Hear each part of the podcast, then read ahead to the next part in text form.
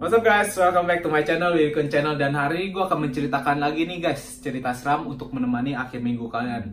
Nah, kisah seram kali ini datang dari lagi-lagi si Mr. Simple nih guys Yang dia bilang kalau cerita ini bener-bener dialami sama dia sendiri nih. Tepatnya 10 tahun yang lalu. Dan judul cerita ini adalah Rumah Angker Temenku Nah, serem banget kan dari judulnya ini. Tapi sebelum mulai jangan lupa untuk subscribe dan follow Instagram Instagram gue ya guys di Willy dan kalau kalian mau denger versi uh, podcast dari cerita ini kalian bisa langsung streaming di Spotify. Tinggal cari cerita seram by Willy Kun. Nah hari ini gue akan langsung nih ceritain ya guys. Nah di dalam cerita ini ada enam tokoh utamanya nih guys. Yang pertama udah pasti si Mr. Simple-nya. Yang kedua ini si Yuda. Si Yuda ini adalah pemilik rumah dari rumah angker ini. Yang ketiga adalah si Udin. Si Udin adalah saudara dari Mr. Simple yang ngajakin dia untuk pergi ke rumah angkernya si Yuda ini. Yang keempat adalah si Jali kelima adalah Andri dan yang keenam itu ada si Dayat. Jadi cerita ini mulai dari 10 tahun yang lalu di mana si Mr. Simple ini masih SMP dan dia pas SMP ini baru selesai ujian. Jadi kalau kalian ujian pasti kalian ada libur satu minggu kan. Nah di libur satu minggu inilah akhirnya si Mr. Simple ketemu dengan si Udin saudaranya ini dan si Udin ini ngomong ke Mr. Simple. Nanti liburan lu mau ke mana Mr. Simple? Terus Mr. Simple jawab e, nggak e, ke mana-mana sih. Akhirnya si Udin ini ngajaklah Mr. Simple untuk pergi ke rumah dari Yuda temennya yang ada di desa.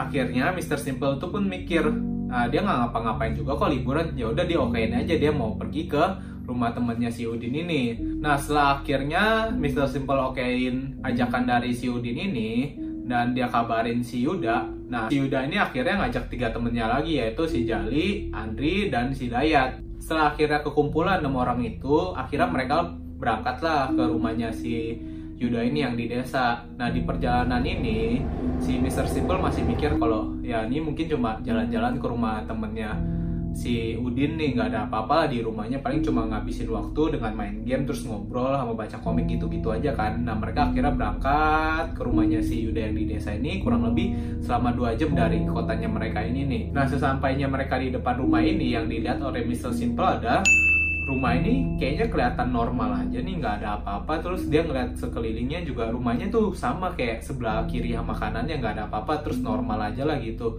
Nah sesampainya di rumahnya ini yang dipesani oleh si Yuda pemilik rumahnya adalah jangan pernah buka pintu dapur kata dia. Dia nggak kasih tahu kenapa sih dia cuma bilang kayak gitu karena si Mr. Simple baru sampai dan dia dengerin itu ya dia okein aja kan. Nah setelah si Yuda ngomong kayak gitu ya udah karena mereka semua udah okein mereka beres-beresin bareng lah. Nah mereka sampai di rumahnya ini kira-kira tuh udah lumayan siang lah.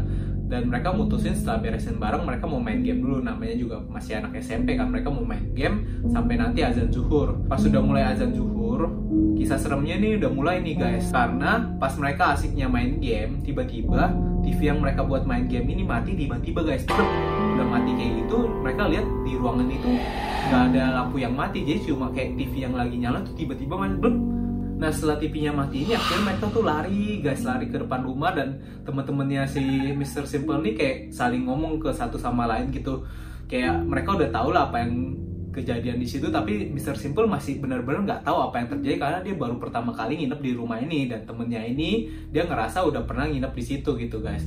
Nah karena dia nggak berpikir aneh-aneh akhirnya setelah mereka tenang mereka masuk lagi lah ke dalam rumah. Dan di dalam rumah ini akhirnya mereka putusin untuk tidur siang nih guys. Nah setelah mereka tidur ini nggak ada kejadian aneh-aneh sih. Nah setelah mereka bangun di malam harinya inilah mereka tuh rebutan pengen mandi nih guys karena udah malam kan dan yang sialnya ini adalah si Mr. Simple kebagian mandi paling takhir sebelum azan maghrib tuh guys nah setelah semua temennya mandi ini akhirnya si Mr. Simple dapat bagian dia yang takhir ini nih guys jadi kalau kalian mau tahu nih guys posisi rumah ini adalah di mana ada ruang tamu habis itu dapur dan kamar mandi itu di dalam dapur jadi ketika si Mr. Simple udah tahu posisi kamar mandinya itu akhirnya dia turunlah ke bawah. Dan dia turun ke bawah dia ngelihat oh, dia baru perhatiin rupanya uh, dapurnya ini sama kamar mandinya ini kayak masih kuno gitu loh guys. Belum direnovasi dan yang paling parahnya adalah dapurnya ini tanahnya ini masih beralaskan dengan tanah nggak keramik. Dan kamar mandinya ini masih pakai sumur guys. Waduh itu kayak ngeri banget kan kelihatannya guys.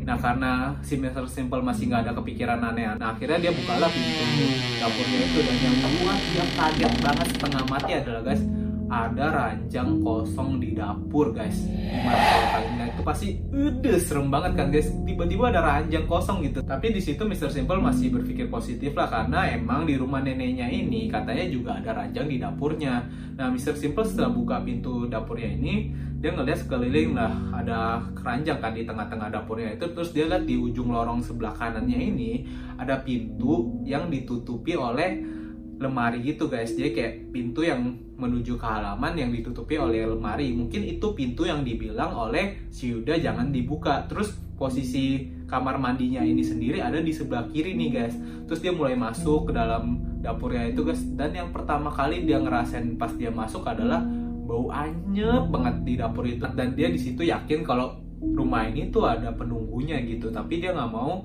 ngeganggu penunggunya inilah. Akhirnya setelah dia ngeliat sekeliling itu dia mulai jalan ke arah kamar mandi dan dia masuk nih ke dalam kamar mandi. Setelah Mr. Simple akhirnya masuk ke dalam kamar mandi, dia lihat oh di dalam kamar mandinya itu ada sumur nih guys untuk ambil air. Terus akhirnya ya udah dia lepasin bajunya, dia mau mandi, dia mandi, mandi, mandi. Pas dia mandi ini dia udah ngerasain tuh guys, dia ngerasain kalau ada yang merhatiin dia, tapi Mr. Simple ini masih nggak tahu siapa yang merhatiin dia dan dia nggak bisa lihat apa-apa nih guys. Akhirnya sampai dia selesai mandi, dia keluar dari kamar mandi itu guys, dia buka pintunya.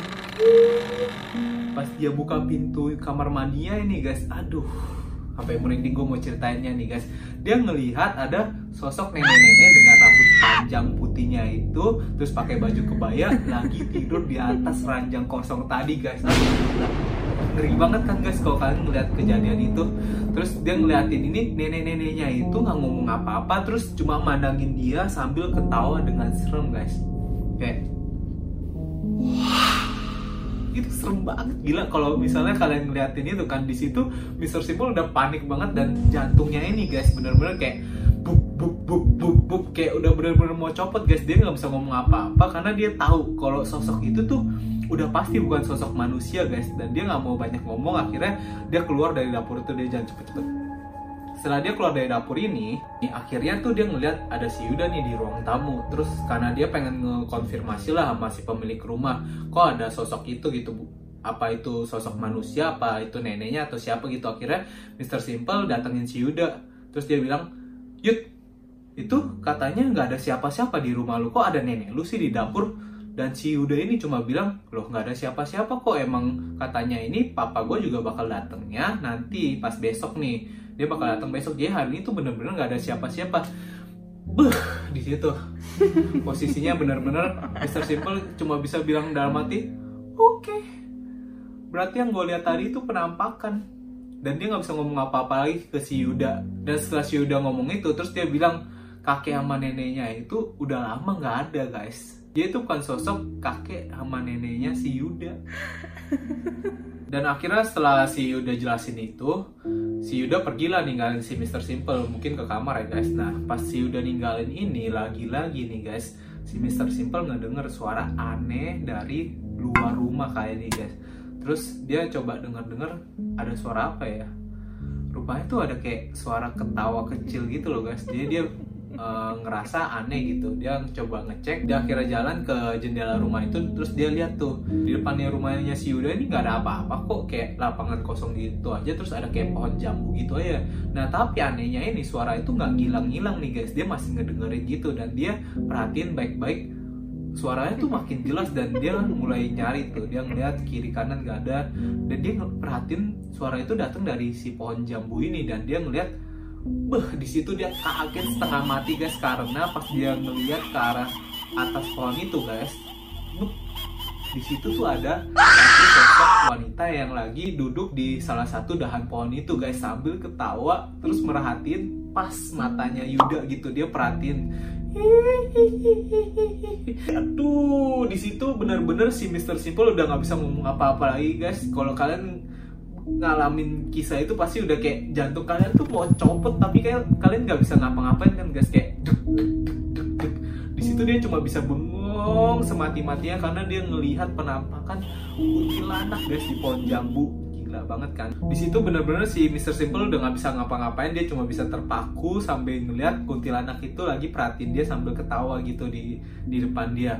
Nah setelah kejadian itu akhirnya kayak aduh lemes banget lah kalau jadi si Mr. Simple kan dia akhirnya balik ke ruang tamu dan dia ngeliat teman-temannya itu udah pada ngumpul di ruang tamu ini lagi pada main game lagi nih nah akhirnya Mr. Simple mutusin lah untuk gabung sama mereka dan nunggu giliran dia untuk main game tapi setelah ditunggu-tunggu setelah ditunggu-tunggu terus akhirnya si Mr. Simple nih nggak kebagian untuk main game nih guys karena teman-temannya ini asik main game terus akhirnya Mr. Simple mutusin lah dia mau ke kamar aja lah karena bosen terus akhirnya di situ dia minjem HP Yuda lah terus dia mau ke kamar mau tiduran aja sambil main HP nah dia masuk ke kamar di kamar dia sengaja nih guys dia nggak nutup pintunya biar dia bisa perhatiin temen-temennya yang lagi main game nah pas dia asik-asik buka HP sambil ya kalau kalian pernah masa SMP kalian pasti pernah lihat lah kalau di HP HP dulu itu pasti banyak 3GP-nya kan. Nah, di situ Mr. Simple habis baringan dia mulailah dia jalanin video 3GP-nya dan dia jalan video 3GP-nya guys. Kesalahan yang paling fatal dia lakuin adalah dia harusnya nggak sendiri di kamar guys karena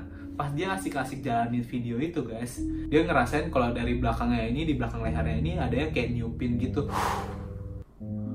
dan dia udah tahu guys kalau di situ yang nyupin itu udah pasti bukan temen-temennya guys. Karena tadi pintunya kan nggak ditutup. Dia masih ngeliat temen-temennya tuh masih asik main game dan dia ngerasa oh my god penampakan ini muncul lagi. Dan setelah dia lihat video ini dia coba pelan-pelan untuk melihat ke belakang dan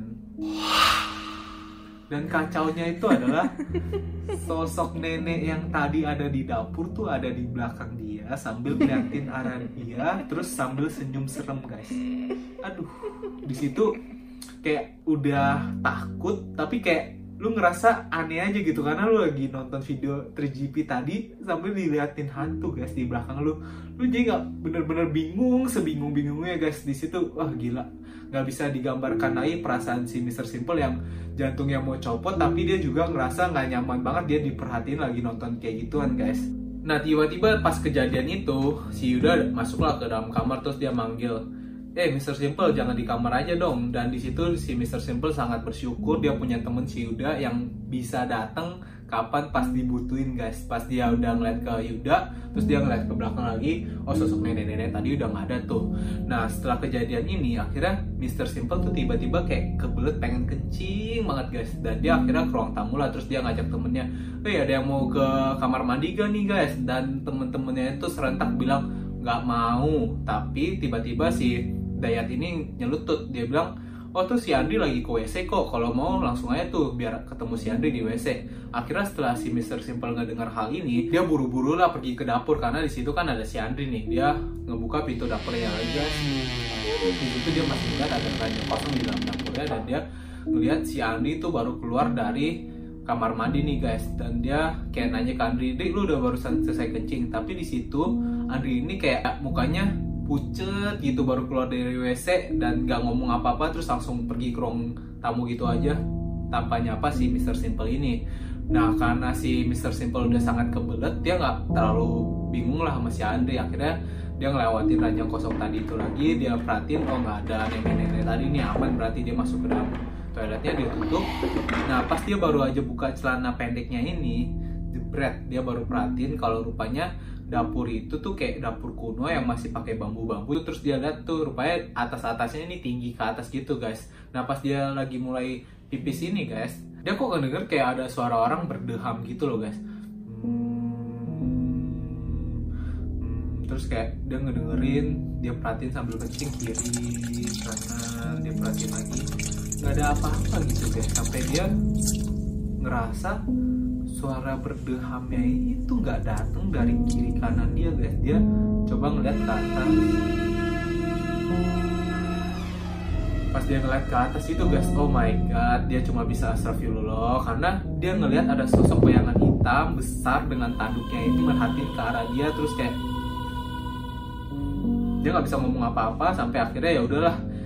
Yang bisa dia lakukan saat itu cuma satu guys kabur secepat-cepatnya dari WC itu tanpa udah nggak mikir apa-apa lagi guys. Dia kabur dia keluar dari uh, kamar mandinya dia ngelewatin dapur dia udah nggak perhatiin itu nenek-nenek lagi sampai dia keluar ke ruang tamu nih guys. Sampai dia ke ruang tamu akhirnya di ruang tamu itu dia perhatiin kalau temen-temennya ini lagi ngobrol satu sama lain kecuali cuma si Andi yang tadi baru dari kamar mandi. Nah di situ dia nggak mau banyak ngomong sama Andi karena dia udah tahu kenapa Andi ini diem aja nggak mau ngobrol sama temen-temennya nih guys Nah akhirnya setelah mereka ngobrol-ngobrol-ngobrol ini mereka ngobrol lah sampai larut malam nih sekitar jam setengah 12 malam. Terus mereka putusin buat tidur.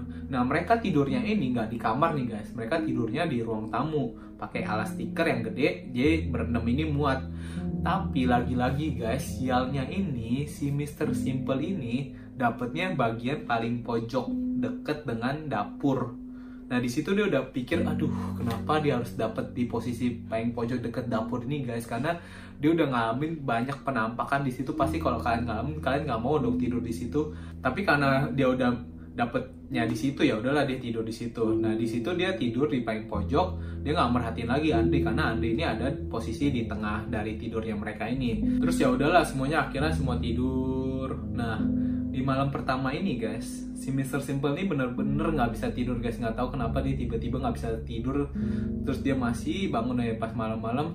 Terus dia menutup matanya gitu guys. Dia berusaha untuk tidur. Tiba-tiba pas dia berusaha untuk tidur guys dia ngedenger kok kayak ada langkah kaki gitu ya? Pas dia denger-denger lagi oh iya bener ada langkah kaki nih guys. Kayak ceplak ceplok ceplok ceplok. Jadi kayak orang lagi lari-lari di tanah basah gitu loh guys. Di keramik basah ada bunyi ceplak ceplok ceplok ceplok.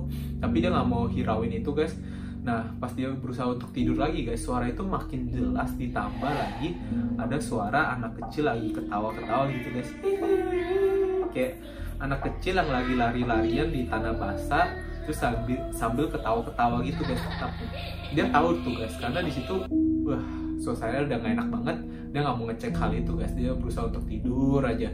Sampai akhirnya suara itu tuh nggak ada lagi ngilang gitu aja guys. Terus dia si Mr. Simple nih berusaha lagi untuk tidur nih. Dia coba tutup matanya dia bengong sambil berusaha untuk tidur. Tiba-tiba pas dia berusaha untuk tidur nih guys dia ngerasain kok di depan mukanya ini ada sesuatu gitu yang gak enak banget gitu. Dia kayak ada ngerasain sesuatu lah di depan mukanya akhirnya sampai dia buka mata jepret di situ. Beuh lemes banget guys karena lagi-lagi guys dia ngelihat sosok nenek-nenek yang tadi ada di dapur terus ada di kamar ada tepat di atas kepala dia sambil lagi ngeliatin dia terus senyumnya yang serem ini guys sambil rambutnya ini kena mukanya Mr. Simple guys karena itulah dia ngerasa ada sesuatu gitu. Rupanya itu rambut si nenek ini guys nah di situ karena dia udah panik ya udahlah dia udah nggak bisa ngapa-ngapain dia coba tutup mata terus dia mikir oh iya rupanya uh, penampakan nenek-nenek ini tuh udah sering banget ke dia tapi yang anehnya itu adalah dia cuma nampakin dirinya aja guys jadi nggak ada kontak fisik lah dengan si Mr. Simple jadi Mr. Simple mikir oh ini penampakan tapi dia nggak coba untuk mengganggu secara fisik jadi Mr. Simple biarin aja lah sampai tiba-tiba pas si Mr. Simple biarin aja nenek-nenek perhatiin muka dia ada suara yang kenceng banget guys. Suara kayak gedor-gedor pintu. Di situ Mr. Simple kayak wah ini suara dari mana nih guys? Suaranya tuh bener-bener nyaring banget. Ini kayak bukan manusia yang gedor pintu ini karena suaranya tuh kenceng banget. Karena suaranya itu sangat kenceng banget guys. Nggak mungkin kalau orang yang denger suara ini tuh nggak bangun. Tapi anehnya yang bangun ini bener-bener cuma si Mr. Simple. Dia bangun terus dia ngeliat ke arah temen-temennya temen-temennya tuh kayak bener-bener tidur lelap gitu ya nggak dengar apa-apa gitu. Terus karena dia sangat penasaran dengan suara itu akhirnya dia coba untuk berdiri dan dia mau ngecek nih guys. Rupanya suara ini datang bukan dari pintu depan guys. Rupanya datang dari pintu yang ada di dapur yang menuju ke halaman tadi guys. Jadi suaranya tuh bener-bener kenceng.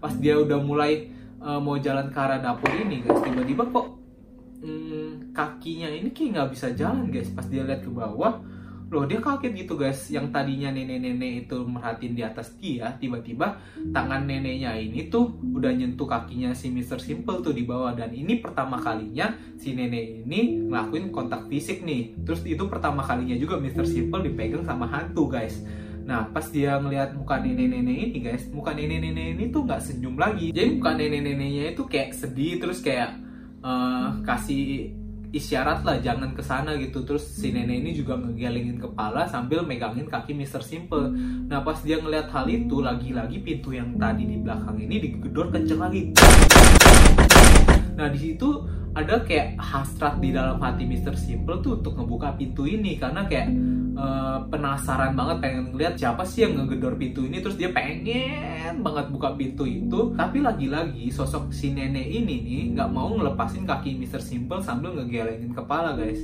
dia kayak isyaratin jangan jangan ke sana jangan dibuka pintunya gitu akhirnya setelah nenek itu udah ngehentiin Mr. Simple akhirnya Mr. Simple nggak jadilah ngebuka pintu itu akhirnya dia uh, rebahan lagi dia coba untuk tidur nah pas dia coba untuk tidur dia ngerasa kalau nenek itu tuh masih ada di sebelah dia dan masih perhatiin dia. Tapi karena dia udah biasa lah dengan penampakan si nenek ini akhirnya ya udah dia coba untuk tidur dan akhirnya dia terlelap lah dia tidur gitu. Nah setelah si Mr. Simple ini tidur terus dia bangun lah di pagi harinya. Pas dia bangun dia ngeliat loh kok temen-temennya ini udah kayak beres-beres gitu? Nah terus dia tanya si Yuda nih kok udah pada beres-beres sih? Soalnya mereka rencananya tuh sebenarnya dua hari nginep di rumahnya si Yuda. Nah di situ si Yuda coba jelasin ke Mr. Simple kalau rumahnya ini tiba-tiba mau dipakai sama keluarganya dia yang dari luar kota. Jadi uh, mereka yang di situ harus pergi pulang lah ke rumah mereka. Nah akhirnya setelah ngedengar itu sebenarnya Mr. Simple tuh udah tahu itu bohong gitu. Tapi dia nggak mau terlalu banyak ngomong. Dia iyain aja dia beres-beresin barang dan akhirnya mereka udah beres mereka mau pulang nih guys Nah pas di perjalanan pulang ini, Mr. Simple coba ngeliat ke belakang lagi, dia ngeliat rumahnya ini.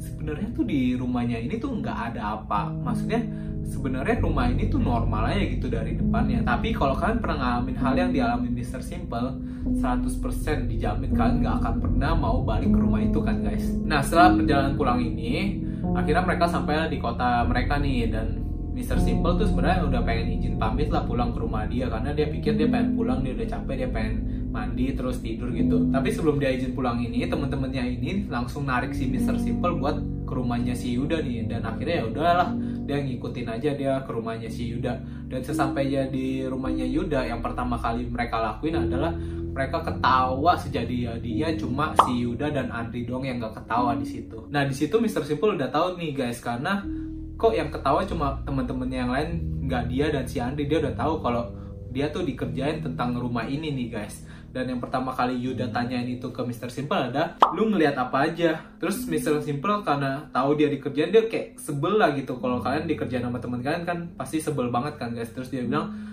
kalian tuh udah tahu ya di situ tuh rumahnya angker. Nah si Yuda ini nimpa lagi. Rumahnya tuh nggak angker tapi emang ada penghuninya guys jadi si Yuda ini sama temen-temen yang lain udah tahu gitu di rumahnya itu emang banyak penghuninya. Nah setelah akhirnya Mr. Simple ngedengar perkataan itu dari si Yuda, akhirnya dia ceritain lah semuanya kejadian-kejadian yang dialami satu harian itu.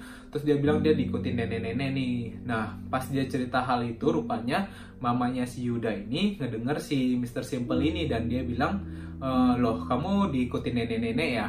Nah, nenek-nenek itu namanya Nini Towo. Nah, mamanya Yuda ini jelasin kalau Nini Towo ini memang sering ada di dapur uh, orang-orang Jawa yang berpengaruh lah pada saat dulu gitu. Terus dia juga sering nampakin dirinya ini ke orang-orang tertentu. Tapi sosok si Nini Towo ini sebenarnya tuh nggak bukanlah sosok yang berbahaya gitu. Dia malah sosok yang berusaha untuk mencegah balak yang akan terjadi gitu. Kalau saat dia munculin diri berarti dia lagi mau berusaha untuk mencegah balak yang akan terjadi gitu. Setelah mendengar penjelasan dari mamanya Yuda ini, akhirnya Mr. Simple ceritain semua lah dari sosok bayangan hitam yang ada di kamar mandi, terus dia ngeliat juga ada cewek di atas pohon jambu, terus dia ngedengar suara anak-anak lagi lari. Nah di sini mamanya Yuda yang ngedengar cerita dari si Mr. Simple, kelihatan mukanya tuh bener-bener gak kaget dan biasa aja. Terus dia berusaha untuk menjelaskan ke Mr. Simple nih tentang sosok-sosok penghuni rumahnya itu.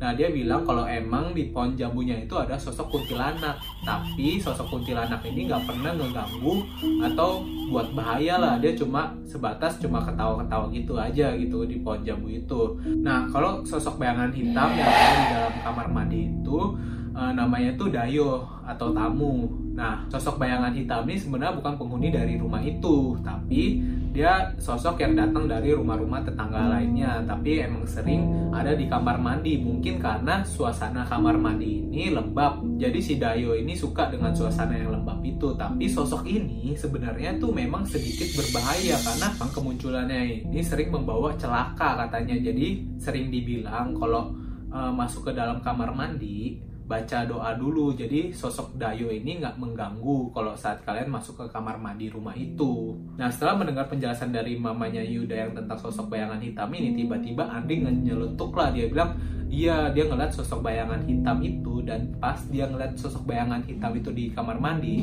tiba-tiba dia kayak kepleset gitu mau masuk ke dalam sumur tapi karena dia sigap dia langsung megang kayu di pinggir sumur. Jadi dia nggak jadi masuk ke dalam sumur itu gitu. Dan setelah kejadian itu akhirnya dia keluarlah dari kamar mandi dan mukanya itu pucet banget. Wajar lah ya orang udah mau celaka tiba-tiba pasti mukanya pucet lah jadi dia ceritain itu ke mamanya Yuda. Nah setelah mendengarkan ceritanya si Andi, si mamanya Yuda ini lanjutin cerita kalau emang ada sosok anak kecil di dalam rumah itu.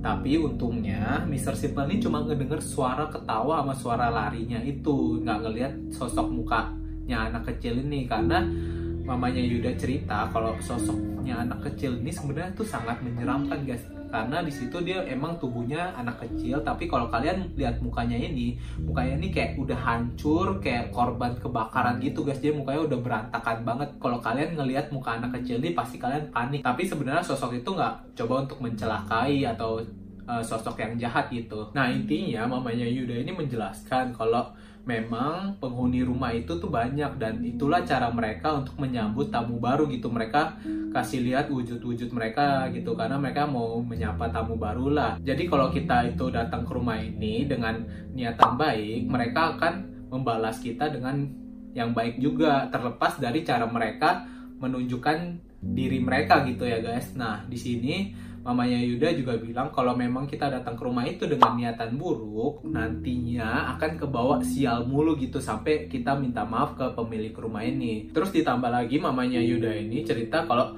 rumahnya ini sebenarnya itu milik kakeknya Yuda yang dulu udah meninggal ini dan emang sengaja dipasangi oleh penghuni-penghuni ini. Ini yang tujuan itu nggak lain dan nggak bukan adalah memang untuk menjaga rumah ini. Setelah ngedenger hal ini, akhirnya Mr. Simple juga ceritain lah kejadian tadi malam kalau dia ngedenger ada suara uh, gedor-gedor kenceng gitu dari pintu belakang yang ada di dapur. Terus setelah ngedengar hal ini, akhirnya mamanya Yuda tuh kayak mukanya yang dari tadi biasa aja langsung kayak mau marah gitu mukanya terus langsung nanya ke Mr. Simple, kamu buka pintu yang tadi? Terus Mr. Simple jawab dengan santai, enggak kok aku nggak buka pintu ini. Soalnya sosok dari si Nini Towo ini uh, berusaha untuk mencegah aku untuk ngebuka pintu ini kata si Mr. Simple begitu akhirnya setelah mendengar hal itu dari Mr. Simple mimik mukanya mamanya Yuda ini berubah jadi kayak lebih lega dan dia mulai cerita lagi kalau memang di belakang itu ada sosok yang paling jahat di rumah itu yang bentuknya ini seperti jin merah bertanduk gitu sangat besar dan sangat jahat gitu guys terus dia bilang terakhir kali pintu ini dibuka itu udah lama banget saat kakeknya si Yuda ini masih hidup nah pas pintu ini dibuka bener-bener sosok yang besar merah ini dengan tanduknya ini nggak bisa dikendalikan oleh siapa-siapa gitu guys. Jadi uh, sosok ini sengaja dikurung di situ untuk tidak menimbulkan bencana bagi si pemilik rumah ini. Jadi masih dikurung di situ karena sosok ini adalah yang dibilang seperti uh, raja jin lah yang jahat di situ jadi dikurung aja di situ nggak dibuka. Nah setelah akhirnya mamanya Yuda udah menjelaskan itu ya udahlah mereka akhirnya tenang dan di situ Mr. Simple sadar satu hal nih kalau memang semua temen-temennya udah pernah datang ke rumah itu dan semuanya udah pernah ngalamin penampakan-penampakan di rumah ini tapi penampakan-penampakan di rumah itu bentuknya tuh beda-beda tiap orang nggak sama seperti si Mr. Simple ini nah jadi itu dia kisah yang gue ceritain dari si Mr. Simple yang bener-bener dia alamin sama dia 10 tahun lalu pas dia masih SMP guys ceritanya sebenarnya kayak serem banget ya guys kalau kita ngelihat gitu ada satu sosok penampakan di dalam satu rumah itu pasti serem banget guys. Jadi yang gue tangkap dari cerita ini adalah memang banyak sosok-sosok di dalam alam semesta ini guys. Ya nggak terlepas dari sosok-sosok gaib ini. Dan yang bisa kita perhatikan adalah kalau kita mau masuk ke rumah selalu izin dulu. Kalau kita mau masuk ke dalam kamar mandi kita berdoa dulu guys. Jadi Mr. Simple ini mencoba untuk mengingatkan lagi kepada kita memang ada banyak sosok di dunia ini yang mungkin ada yang baik ada yang jahat gitu guys. Kita nggak pernah tahu yang mana yang baik dan mana yang jahat. Tapi yang pasti kita harus berdoa dan yakin kepada Tuhan ya guys. Nah itu dia kisah seram yang udah gue ceritakan kepada kalian. Semoga kalian bisa ngambil makna positifnya dan kalian bisa terhibur dengan video ini guys. Dan jangan lupa guys untuk selalu support gue dengan subscribe dan follow instagram gue di Willy Kun. Dan kalau kalian mau denger cerita seram di dari versi podcastnya Kalian bisa langsung cari aja hmm. streaming di Spotify dengan ketik cerita seram by Willy Kun. Jadi see you guys in the next video.